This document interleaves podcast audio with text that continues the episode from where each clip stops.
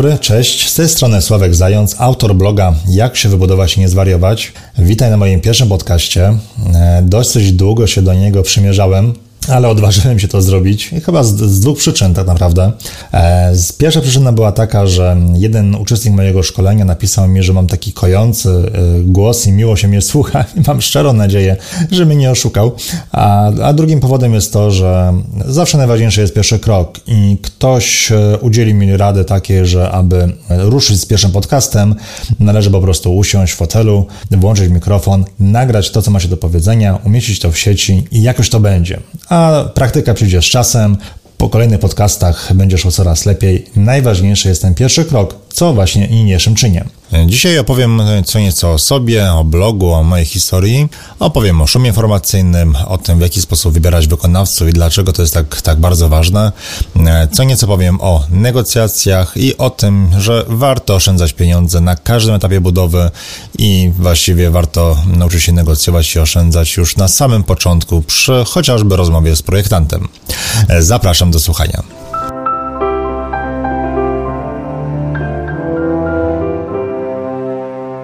Zacznę od tego, jak to się wszystko zaczęło. Przygotowania do budowy mojego domu pamiętam e, do dzisiaj. To było 1 października 2010 roku, w mojej urodziny. E, przyjechała ekipa i zaczęła robić stan, e, stan zerowy, kopać dół pod fundamenty. Tego samego dnia przyjechał barak dla ekipy. Tego samego dnia było parę rzeczy zorganizowanych. No to był początek wielkiej przygody.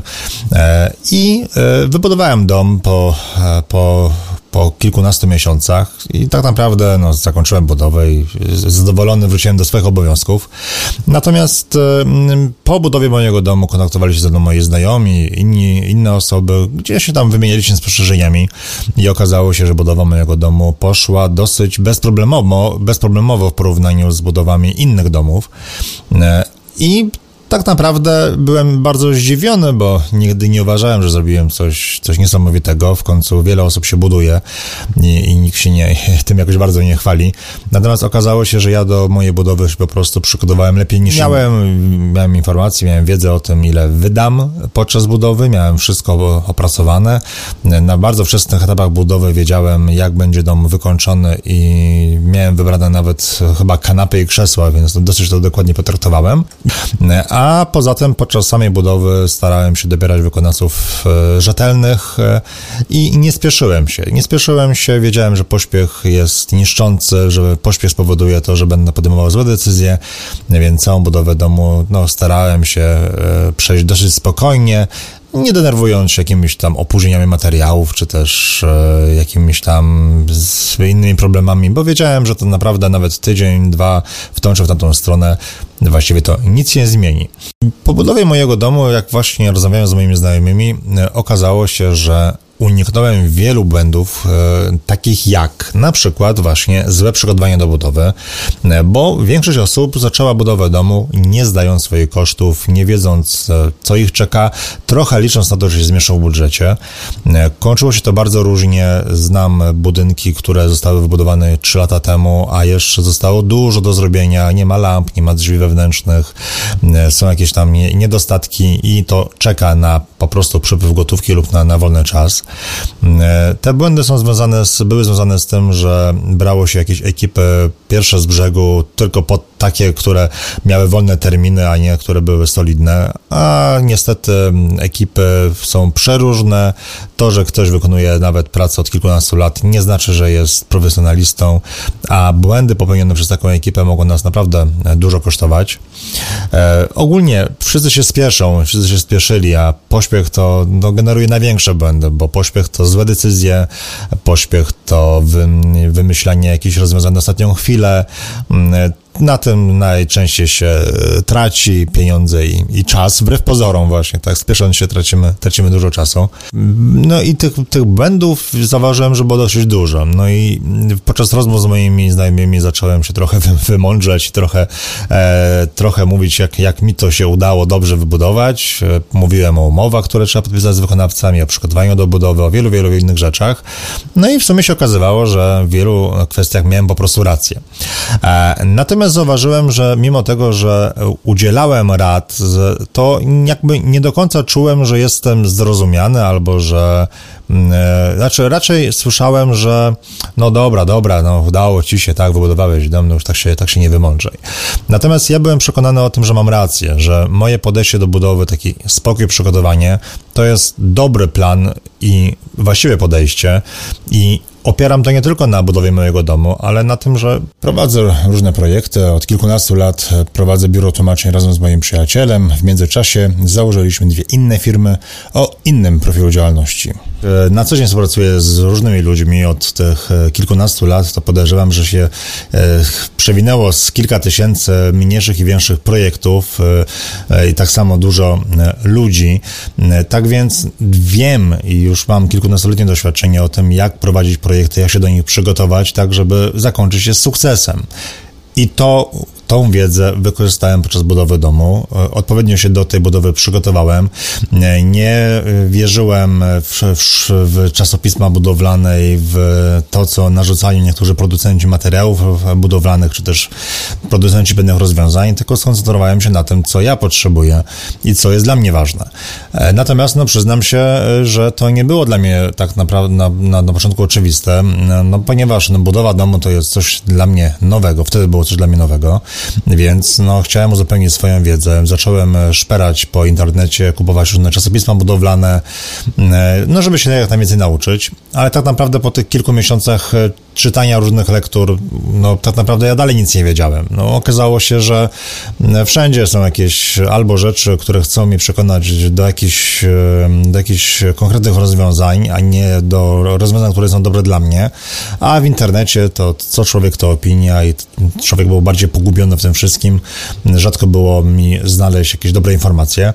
I tak z ciekawości chyba w zeszłym roku zerknąłem do jakiegoś wydania rocznicowego czy to był Murator, nie jestem pewien jaka to była gazeta, w każdym razie 150 czy 200 stron tekstu. No i przypomniało mi się, dlaczego miałem z tym problem, ponieważ no, jedna trzecia tych, tego magazynu to były reklamy, jedna trzecia to były jakieś artykuły, gdzie e, były jakieś wtrącenia niezależnych e, producentów, albo wręcz po prostu były artykuły sponsorowane, albo gdzieś tam padały niechcące, tak oczywiście, nazwy konkretnych e, produktów. I bardzo było ciężko znaleźć coś, coś, coś dla siebie siebie. No, z tych, z tych 150 czy tam 200 stron to może dosłownie kilka kartek było może kilka było rzeczywiście ciekawych. No i w sumie nie dziwię się, że osoba, która planuje kupić działkę, wybudować dom, no nie jest w stanie znaleźć takich usystematyzowanych informacji, e, tylko wszystkie te informacje są gdzieś tam porozpraszane i bardzo łatwo się nabrać na, na różne mity, kłamstwa, e, artykuły sponsorowane, artykuły reklamowe. No cóż, rynek budowlany to wielkie pieniądze, e, podczas budowy wydasz kilkaset tysięcy złotych, no więc każda firma chce dla siebie coś uszknąć. Mm, no tak więc no, po tych paru miesiącach czytania tych różnych czasopism, no odczułem pewnego rodzaju przerażenie, mm, pewną taką niechęć, nawet w pewnym momencie chciałem z budowy zrezygnować, bo czułem, że nic nie wiem i dopiero wtedy postanowiłem potraktować budowę domu tak jak inne projekty, które prowadzę w życiu. E, I dopiero wtedy mm, ustaliłem, co jest najważniejsze, a co jest gdzieś tam jakąś rzeczą wtórną. I e, potem, jak już ten dom wybudowałem, gadałem ze znajomymi, e, udzielałem rad, napisałem darmowy poradnik, w którym zawarłem parę moich doświadczeń. To spotkało się z fajnym odbiorem i parę lat później napisałem książkę Jak się wybudować, nie zwariować, w której zawarłem moje rady, e, takie życiowe rady dotyczące e, współpracy z wykonawcami, wyborem działki i przygotowaniem do budowy. Natomiast e, to jest książka moim zdaniem uniwersalna. No, ja w niej zawarłem oczywiście dużo informacji na temat budowy, ale ja tam e, zawarłem wszystkie moje e, zasady związane z, ogólnie z rozmową z ludźmi, z wybieraniem wykonawców i uważam, że to jest książka po prostu no, całkiem uniwersalna. Więc, więc oczywiście polecam jej przeczytanie. A potem jak napisałem książkę, no to pomyślałem sobie, że trzeba coś z tym zrobić. No mam jeszcze trochę wiedzy, no, chcę się podzielić tym, co wiem, no i zacząłem prowadzić bloga. Blog Jak się wybudować i nie zwariować. On na początku nigdzie nie był reklamowany. Tak naprawdę na początku to liczba odwiedzin to, to była mniej więcej 5 dziennie, więc no to, to jest tyle co nic. Ale postanowiłem być twardy. Miałem i mam e, swoje źródło utrzymania. Nie zależało mi na tym, żeby blog na siebie zarabiał. Nie miałem żadnej presji. Ktoś mi powiedział, że należy pisać na e, blogu przez dwa lata, zanim będą jakieś, jakiekolwiek efekty. Tak więc postanowiłem zacząć pisać na blogu różne treści, tak naprawdę dając sobie właśnie dwa lata. No i e, okazało się, że już po e, mniej więcej roku ten mój blog, który tak naprawdę prawie nigdzie nie był reklamowany, zaczął się cieszyć fajną popularnością. Takim kamieniem milowym był artykuł, artykuł o fotowoltaice i z dumą stwierdzam, że nie ma bardziej e, rzetelnego opracowania na ten temat w polskim internecie. Napisanie tego artykułu zabrało mi kilka tygodni czasu, ale okazało się to strzałem w dziesiątkę, bo ludzie, którzy szukali paneli, informacji o panelach, no to siłą rzeczy trafiali na inne artykuły na moim blogu, no i ten blog zaczął być gdzieś tam polecany. No i w tej chwili to już rzeczywiście fajnie działa. E, na blogu trzymam się tych samych zasad, co, co w książce i tych samych zasad, które, które mam, czyli nie reklamuję, nie będę reklamował producentów konkretnych, nie będę reklamował materiałów budowlanych.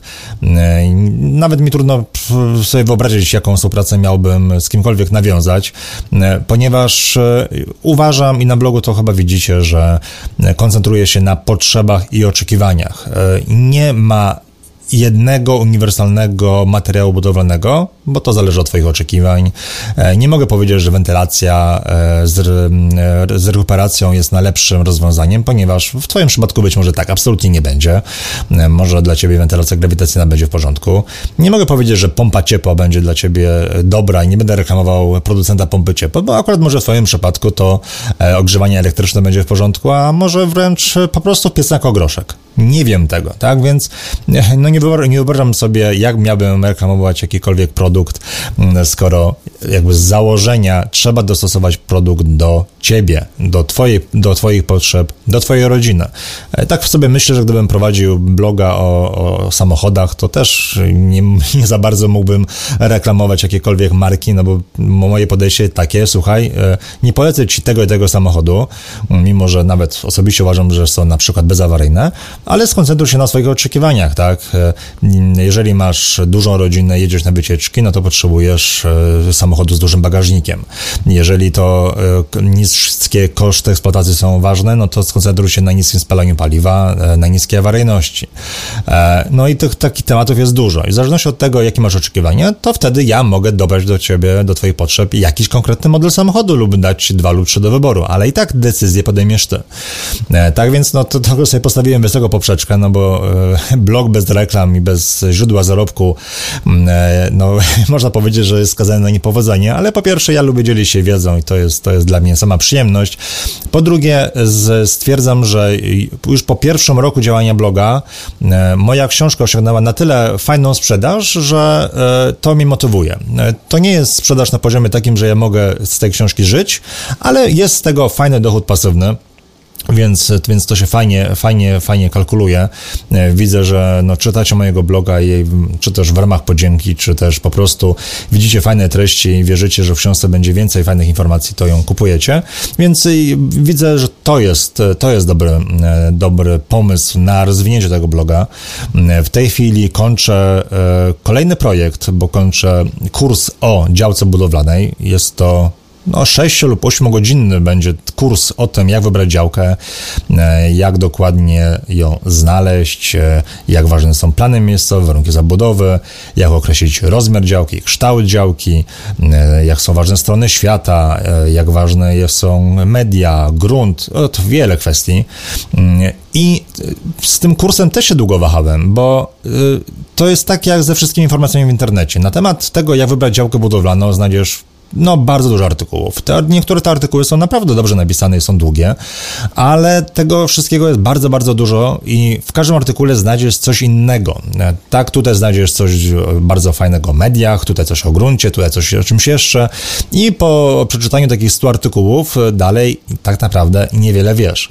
Więc przez chwilę myślałem, że taki kurs o wyborze działki nie do końca ma sens, ponieważ wszystko to gdzieś jest, ale tak naprawdę nie ma e, w polskim, no mówię w polskim, tak, no bo znam polski internet, nie ma w, Polsce, w polskim internecie takiego jednego opracowania, jednego kursu, w którym dowiesz się wszystkiego na temat wyboru działki od A do Z, czyli od tego, jak ważne jest to, jakie chcesz dom wybudować, po znalezienie tej działki, po określenie lokalizacji, po negocjacje, bo to też jest bardzo ważny temat, i po sam proces zakupu, tak, co, jak, jakie dokumenty i tak dalej. E, tak więc e, no, ten kurs przygotowuję tak jak wszystko inne na moim blogu, no to będzie naprawdę rzetelne i długie opracowanie, no i będę Wam dawał znać za jakiś czas, jak to, jak to będzie wyglądało. Mam wielką nadzieję, że już w maju e, będzie on gotowy, a że już w kwietniu e, pokażę już jakieś materiały, aby, aby no, zachęcić, no bo nie ma co ukrywać, ten kurs kosztował mnie kilka miesięcy pracy i będzie on po prostu płatny, ale prawdę mówiąc jeszcze nie, nawet nie wiem w jakiej on będzie cenie oferowany. E, skoncentruję się na tym, żeby zrobić coś, e, coś fajnego. I tak wygląda moja historia. W 2012 roku wybudowałem dom, potem napisałem książkę, prowadzę e, i będę prowadził bloga. E, przez te kilka lat e, pomogłem kilkudziesięciu osobom w odpowiednim przygotowaniu się do budowy. Odpowiedziałem na setki pytań dotyczących tego, w jaki sposób wybrać działkę, projekt, jak wybrać wykonawców. No, tych pytań jest naprawdę mnóstwo i, i o, różnym stopniu szczegółowości. Tak więc no, pomogłem już naprawdę wielu osobom. No i po prostu wiem, że, że jakby moje podejście się sprawdza już w praktyce, że to nie jest tylko e, moja teoria, tak, bo wybudowałem jeden dom i, i teraz się mądrze, ale, e, ale już to jest sprawdzone w praktyce, że moje podejście jest, jest właściwe. I moim zdaniem e, my, jako inwestorzy, jako budujący, nie musimy się na budowie zdać na wszystkim.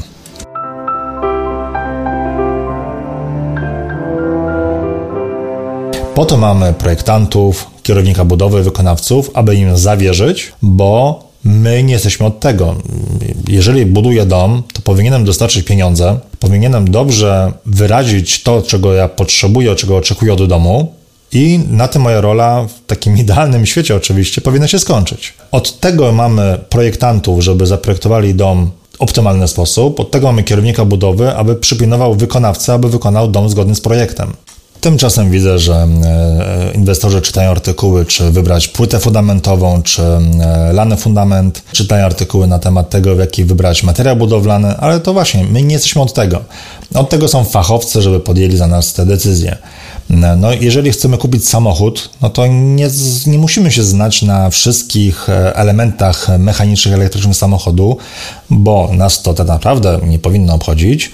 E, no, ważny jest e, komfort użytkowania, spalanie, rzeczy czysto użytkowe, a nie to, jak samochód działa. A jeżeli chcemy go sprawdzić, to zabierzemy go do mechanika, który ma odpowiednie umiejętności, wiedzę i narzędzia i sprawdzi go za nas. Przy budowie domu ważne jest to, żeby e, dom spełniał Twoje oczekiwania, a nie to, w jaki sposób on zostanie zbudowany. Powinien być zbudowany w taki sposób, aby było w miarę, e, żeby było korzystnie finansowo, aby po wybudowaniu domu nie było żadnych problemów i aby jego eksploatacja była tania. I koniec. Od tego właśnie są fachowcy, żeby to wyliczyli. I ja od zawsze kładę nacisk na to, aby wybrać dobrych ludzi do współpracy, którzy będą myśleli za nas, po prostu. I to jest, to jest, y, moim zdaniem, to jest dobre myślenie, chociaż chyba, chyba dosyć niespotykane, y, ponieważ jeżeli nauczysz się wybierać dobrych fachowców do budowy domu, to do, dowiesz się i y, nauczysz się wybierać kogokolwiek innego jakiegokolwiek innego fachowca do jakichkolwiek innych prac. Ja przy budową mojego domu mało wiedziałem o kwestiach budowlanych i skoncentrowałem się właśnie na tym, w jaki sposób wybrać projektanta, kierownika budowy, wykonawców. Moje doświadczenie z budową było praktycznie żadne, ale miałem e, duże doświadczenie kilkunastoletnie w prowadzeniu swoich działalności gospodarczych i e, do tej pory zresztą e, właściwie codziennie negocjuję, podpisuję umowy, negocjuję z klientami i wykonawcami i tę umiejętność wykorzystałem przy budowie mojego domu. Dzięki temu, że trzymałem się moich zasad, budowa domu naprawdę udała mi się. Zmieściłem się i w moim budżecie, i w przyjemnym harmonogramie. I nie musiałem do tego podejmować decyzji, z czego murować ściany i w jakiej technologii stawiać dom. I to chcę Wam przekazać, że łatwiej jest nauczyć się raz wybrać odpowiedniego fachowca, odpowiedniego człowieka do współpracy, niż poznawać po kolei wszystkie aspekty związane z budową domu. Więc jakie są popełniane najczęściej błędy przy wyborze wykonawców, jakikolwiek wykonawców? Bo o to naprawdę bardzo łatwo. Co ja widzę jakby z, z, mojego życia? Jeżeli ktoś szuka na przykład glazurnika, tak, no chce wyremontować łazienkę, szuka kogoś do pomocy, no więc w, w pierwszym odruchu pyta rodzinę, znajomych o jakiś kontakt. No i na przykład ktoś z rodziny e, daje numer telefonu, mówi, że wszystko było w porządku, ten glazurnik mu się fajnie tam sprawdził, e, zadzwon do niego, będzie zadowolony. I zwykle wygląda tak, że ktoś dzwoni do, takiego, do takiej osoby, dowiaduje się przez telefon o jakiej cenie za, za metr kwadratowy na przykład, umawia się na spotkanie. Jak to się może skończyć? Bardzo, bardzo różnie. Zaczynając od tego, że glazurnik może po prostu nie przyjść, e, może przestać odbierać telefony, może się w ogóle nie zjawić. Może przyjść, zacząć remontować Twoją łazienkę, ale będzie, nie wiem, narzekał na, na krzywe ściany, na warunki i zacznie chcieć więcej pieniędzy. Może się okazać, że jest to niestety partacz i już ci parę płytek na samym początku, w pierwszym dniu zniszczył. No i pytanie jest dlaczego? Dlatego, że polecenie nie ma znaczenia. E, jeżeli poleca ci ktokolwiek kogokolwiek, traktuj otrzymany kontakt tak, jakby znalazł taki kontakt w internecie. E, załóż, że o tej osobie nic nie wiesz i to jest najzdrowsze podejście, jakie możesz mieć. Aby sprawdzić wykonawcę i aby upewnić się, że to jest osoba, z którą chcesz współpracować, powinieneś przede wszystkim zobaczyć jego pracę. W przypadku glazurnika powinieneś e, pojechać, e, zobaczyć e, jego wykonaną pracę kogoś innego lub pojechać w miejsce, gdzie teraz pracuje, żeby zobaczyć, jak wygląda stan prac. I wiem, że dużo osób już w tej chwili ma obiekcje, bo, bo to przerabiałem, że no tak, ale jak mam jechać do kogoś, przecież nikt mnie nie wpuści, nikt mnie nie da obejrzeć. No ja bym nie chciał, żeby ktoś po moim domu chodził, żeby obejrzał pracę mojego glazurnika na przykład. Więc powiem Wam, że wcale tak nie jest. Ja przy budowie mojego domu poprosiłem o kontakt e, e, firmę, która wykończała mi mieszkanie, kontakt do kogoś, u kogo robili. Pojechałem na, do Warszawy, na, na Warszawę Ursynów, do przemiłego pana, u którego spędziłem dwie godziny. E, bardzo był pan zadowolony, że mógł mi pokazać jakość prac wykonanych przez tę ekipę. Zwiedziłem całe jego mieszkanie, pokazał mi e, to, co było zrobione dobrze, ale także to, co zostało zrobione nieprawidłowo. Pokazał mi to, na co ja mam zwracać uwagę pracując z tą ekipą, no sprzeda mi wszystkie informacje, które właściwie potrzebuję. I dzięki takiej dwugodzinnej rozmowie podjąłem decyzję, aby zacząć współpracę z tą, z tą ekipą, bo znałem jej zalety, znałem jej wady, wiedziałem na co mogę się, jakby, czego mogę oczekiwać. Tak więc nie bójcie się tego. Jeżeli ktoś jest normalny, a większość ludzi jest normalna, nie będzie miał nic przeciwko temu, żeby pokazać e, stan prac. Nawet jeżeli nie. Okej, okay, rozumiem, że no nie każdy chce, żebyś mu się pamiętał po łazience, tak, ale może zrobić ci zdjęcia i ci je przesłać, tak? Zdjęcia e, wykonania danej ekipy. E, przypadku innych prac, jak na przykład jakieś prace wykończeniowe zewnętrzne, elewacyjne, w ogóle nie ma żadnego problemu, żeby podjechać pod dany budynek i zobaczyć na własne oczy, jak to wygląda. Tak więc nie bójmy się o to poprosić, to jest warunek konieczny, aby wybrać dobrego wykonawcę. Tak samo w przypadku innych branż, na przykład jeżeli wybierasz projektanta, no to musisz obejrzeć jego projekty, zobaczyć, co on projektuje, e, czy projektuje to w stylu, który lubisz, musisz zobaczyć, jaki on jest. Tak? To jest pierwsza rzecz. Druga rzecz jest taka, żeby poprosić o referencję. I to jest też rzecz, którą prawie nikt nie robi. To jest, to jestem bardzo zdziwiony, a to jest rzecz tak bardzo naturalna w niektórych branżach. Nie mam pojęcia, dlaczego w budowlance akurat przyjęło się, że proszenie o referencję jest czymś niewłaściwym.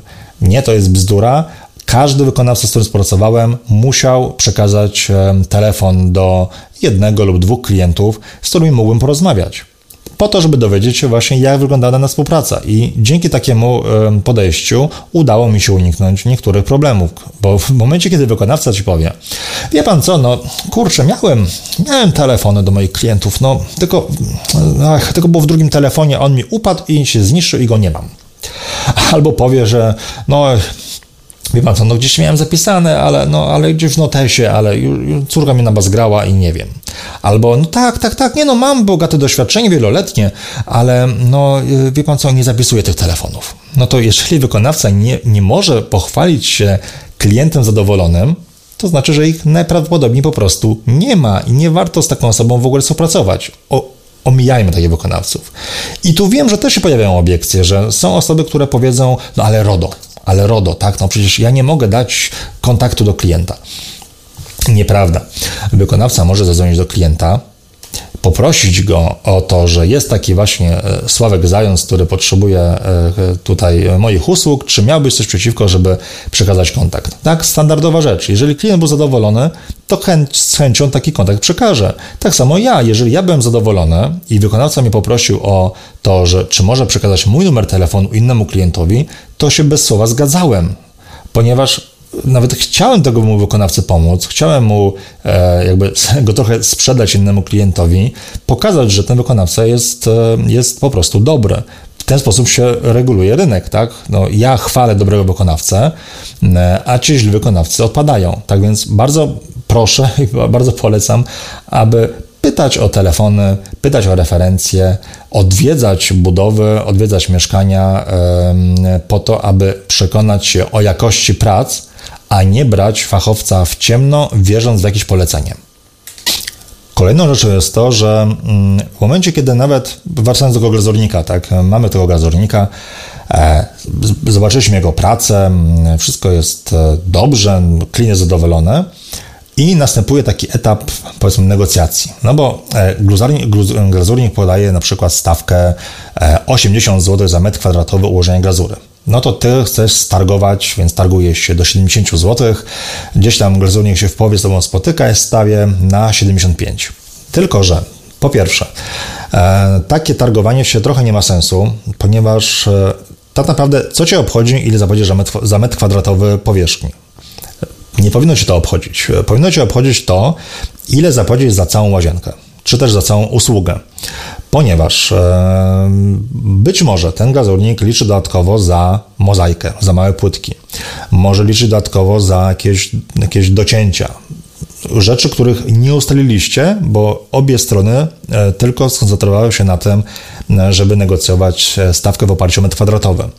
Drugą rzeczą jest to, że jeżeli ustalicie stawkę za całość, to po wykonanej pracy nie będzie rozmowy pod tytułem no tak, ale tutaj jest tyle metrów, bo ja tu policzyłem tak, a tutaj jest półokrąg, a tu jest trójkąt, kwadrat i, i tam rąb i to wyszło mi tyle, no ja, a mi wyszło inaczej, tak? To, to co się bardzo często zdarza, e, na przykład przy, przy tynkach zewnętrznych, bardzo różnie, mm, e, bardzo różnie są liczone powierzchnie zewnętrzne, bo są ekipy, które liczą całą powierzchnię e, ścian, niezależnie od tego, ile tam jest w tej ścianie otworów okiennych czy drzwiowych. Są ekipy, które odliczają od całkowitej powierzchni okna o powierzchni na przykład większej od metr na metr, przykładowo oczywiście. E, są ekipy, które doliczają jednak powierzchnię okien i drzwi E, za dodatkowy metr bieżący obróbki e, danego otworu. E, są ekipy, które rozliczają metry przed położeniem elewacji, a są takie, które liczą po, a wtedy jest trochę jednak więcej tych, tych metrów. Niewiele, ale jednak. W związku z tym, nawet jeżeli ustalisz czterema ekipami budowlanymi tę samą stawkę za, za metr kwadratowy, to finalna cena będzie inna, więc po co w ogóle, po co robić sobie takie problemy, tak? Lepiej, lepiej ustalić stawkę za całość, i mieć święty spokój, a nie ustalać stawkę za metr e, czy tam za godzinę i potem się awanturować. E, więc w przypadku glazurnika wziąłbym wszystkie ceny jednostkowe, od razu przed podpisaniem jeszcze umowy oszacował, ile jest e, metrów kwadratowych do zrobienia, wpisał wszystkie wartości do umowy, mamy kwotę całkowitą, Koniec. Nie ma problemu, nie ma rozmowy po wykonaniu pracy, że coś się zmieniło, że teraz trzeba będzie zapłacić. Jest umowa, jest kwota za całość, nie ma rozmowy. Polecam. Kolejną rzeczą jest to, że mm, właśnie mamy jednego glazurnika, z którym rozmawiamy, obejrzeliśmy jego pracę i negocjujemy, ale tak naprawdę trzymanie się jednego wykonawcy jest błędem. No bo zobacz, e, glazurnik podał cenę 80 zł i po negocjacjach szedł o 5 zł za metr kwadratowy. Niech będzie, że to na całej łazience dacie, osz... dacie oszczędność na przykład kilkaset złotych i to tak miło tak uważać, że no mamy kilkaset złotych w kieszeni, tak? No bo to jest miłe uczucie. Ale przecież, jeżeli byś poczekał dzień czy dwa i porozmawiałbyś z innym gazownikiem, okazałoby się, że jego cena wyjściowa jest na przykład o 10 zł e, niższa i jeszcze podczas negocjacji zejdzie parę złotych e, niżej, a, jego, a jakość jego pracy jest taka sama albo nawet wyższa. I już masz oszczędność dwa razy wyższą. Dlatego najprostszą metodą do tego, aby wynegocjować dobrą cenę, nie jest negocjowanie z jednym wykonawcą, tylko negocjowanie z dwoma wykonawcami albo więcej. Bo nigdy nie wiesz, że e, czy cena podana przez danego wykonawcę jest ok, czy też nie, jeżeli nie porównasz tych cen z innymi usługami. E, nie ma znaczenia, że glazurnik, pod, znaczy, to, to widzę bardzo często na forach, że ktoś pyta, że na przykład za stan surowo otwarty dostał wycenę 200 tysięcy złotych i pyta, e, czy ta cena jest dobra. No i oczywiście pod tym, pod, pod tym postem jest połowa komentarzy, że tak, to dobra cena, super okazja, podaj kontakt do tej ekipy, a połowa mówi, że przepłacasz, bo ja wybudowałem dom o 50 tysięcy taniej i w ogóle jesteś frajer, tak? Więc e, jakie to ma znaczenie? Żadne, ponieważ nikt ci nie powie, czy dana cena e, jest ok, jeżeli nie pozna dokładnie zakresu usług, który jest do, u ciebie do zrobienia. Przecież taki glazurnik może wziąć e, na przykład większą stawkę za metr, e, dlatego że ma, masz mniejsze płytki, jest więcej roboty, więcej docięć, a ten sam glazurnik może zaoferować niższą kwotę za metr kwadratowy w łazience, gdzie jest prosta robota, płytki 60 na 60, zajmie mu to mniej czasu, więc może zaproponować trochę mniejszą stawkę za metr kwadratowy. W związku z tym nikt Ci nie powie, e, albo prawie nikt Ci nie powie, czy dana e, cena e, wykonawcy jest ok i negocjowanie z jednym wykonawcą dużo Ci nie da. Najprościej będzie, że jeżeli porozmawiasz z innym wykonawcą, który przedstawi ofertę na ten sam zakres usług i wtedy będziesz mógł porównać e, dwie oferty i wybrać tańszą lub lepszą, bo nie zawsze no, tańsza oznacza lepsza. I zwracam na to szczególną uwagę, bo naprawdę nie ma problemu z tym, żeby dostać za wykonanie danej usługi dwie oferty, gdzie druga jest dwa albo trzy razy droższa od tej pierwszej.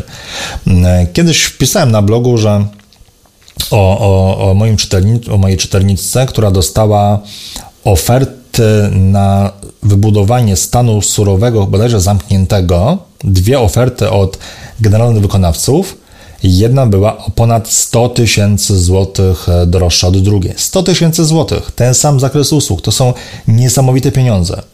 I teraz wyobraź sobie, że dostałeś ofertę na wykonanie stanu surowego otwartego, czy tam zamkniętego, mało ważne, na 300 tysięcy złotych. E, uważasz, że to jest drogo, negocjujesz ostro, tak? Jesteś lwem, jesteś zwycięzcą, negocjujesz, e, proponujesz 220 tysięcy, czy tam okrajacie jakiś zakres usług, no, wojujecie o, o jak najlepszą cenę, no i wreszcie po miesiącu negocjacji wykonawca schodzi na 250 tysięcy. Tak, jest to sukces, ponieważ wynegocjowałeś 50 tysięcy złotych. To jest, to jest super rzecz, tak? 50 tysięcy złotych w kieszeni. I ludzie po takich negocjacjach są bardzo siebie zadowoleni. Natomiast gdyby poświęciła ta osoba trochę więcej czasu, spotkała się z innymi firmami i negocjowała z dwoma albo trzema firmami naraz, mogłaby być może, tak jak było w tym przypadku opisywanym, wynegocjować cenę 200 tysięcy złotych albo i mniej. Tak? Czyli kolejne 50 tysięcy złotych zostałyby w kieszeni. Tak więc nie ma absolutnie żadnego znaczenia, ile wynegocjujesz pieniędzy rozmawiając z wykonawcą. Nie ma to znaczenia. Ważne jest to, jaką cenę wynegocjowałeś i jak ona się ma do ceny rynkowej, a nie to, ile urwałeś wykonawcy. E, więc nigdy przy, chyba że przy jakichś drobnicach, tylko drobnych rzeczach, ale tak naprawdę to nigdy nie koncentruj się, nie rozmawiaj tylko z jednym wykonawcą, bo po prostu jest szkoda Twoich pieniędzy. Ja w mojej książce pisałem o tym, że mam dobry sposób na to, aby negocjować Ponieważ no, wyobraź sobie, że budowa domu kosztuje, nie wiem, pół miliona, milion, dużo pieniędzy. E, w momencie, kiedy budujesz dom, różne rzeczy kosztują, tak? Tu kierownik budowy, tutaj jakiś barak budowlany dla, dla robotników, tutaj trzeba prąd podciągnąć i tak dalej. Pieniądze się rozchodzą. W pewnym momencie wydanie 100, 200 czy 300 złotych wydaje się czymś takim bardzo naturalnym. Nie czujesz tych pieniędzy. No bo te 200 zł versus pół miliona, które masz e, przeznaczone na budowę swojego domu, to wygląda, że to jest niewiele. Zaznaczam, że trzeba pilnować pieniędzy od samego początku. 200 zł ma zawsze wartość 200 zł. Nie wolno patrzeć na to, jak, to, jak ta suma się ma do budowy całego domu. I mi pomaga bardzo prosta rzecz jak negocjuję z kimkolwiek, ja nie widzę 200 zł. Ja widzę na przykład trzy zestawy e, klocków Duplo dla mojego dziecka. Albo widzę pół zestawu jakiegoś zestawu klocków Lego Technics, tak? Albo jakąkolwiek inną zabawkę dla mojego dziecka. Tak, ja nie, wtedy ja nie negocjuję 200 zł, tylko negocjuję coś, za co mogę e, kupić, czyli negocjuję dla dziecka bardziej niż, niż dla mnie. To bardzo pomaga. To bardzo pomaga e, i wierzcie mi, że urwanie nawet tych 200 zł na każdym etapie budowy przyniesie Ci naprawdę fajne oszczędności na sam koniec, a no najczęściej jest tak, że pod koniec prac e, na etapie wykończeniówki zawsze brakuje pieniędzy. I to jest chyba najczęstsze, że e, już mamy dom wybudowany, jest, są białe ściany, no jest właściwie wszystko, przychodzi do, do etapu zakupu mebli, i nagle jest taki żal, że ta kanapa kosztuje 2,5 tysiąca złotych, a ja tutaj wydałem 400 złotych na więcej na usługi elektryczne. Kurczę, teraz by się te 400 zł przydało, tak? Więc e, patrzę na to w ten sposób. Pieniądze e, zawsze są warte tyle samo, niezależnie od tego, ile kosztuje budowa domu. Jeżeli bierzesz kredyt, to wydaje się, że przepłacenie za budowę kilkunastu czy kilkudziesięciu tysięcy złotych nie ma znaczenia, e, no bo tak naprawdę o ile ci wzrośnie rata kredytu? O 200 złotych? Tak? Wydaje się, że to jest, to jest tyle co nic, ale to jest dalej kilkanaście albo kilkadziesiąt tysięcy złotych. Włóż sobie na lokatę, odkładaj sobie co miesiąc 200 zł na lokatę, to e, za te 20 czy 30 lat będziesz miał naprawdę super sumę na koncie. E, w związku z tym naprawdę pieniądze mają duże znaczenie.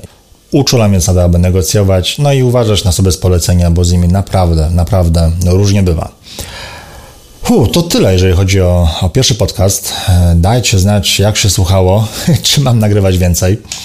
Kolejnych podcastach chcę rozszerzyć temat negocjacji i, i chcę powiedzieć o różnicy między projektem gotowym i indywidualnym, aby trochę pomóc podjąć dobrą decyzję. Mm, tak więc no, życzę miłego dnia, miłego wieczoru e, i bardzo się proszę o jakiś komentarz, jakiegoś maila, jak Ci się podobało, co jest do zmiany. E, każda, każda informacja zwrotna będzie dla mnie bardzo cenna, więc jeszcze raz dziękuję za uwagę i do usłyszenia przy kolejnym podcaście.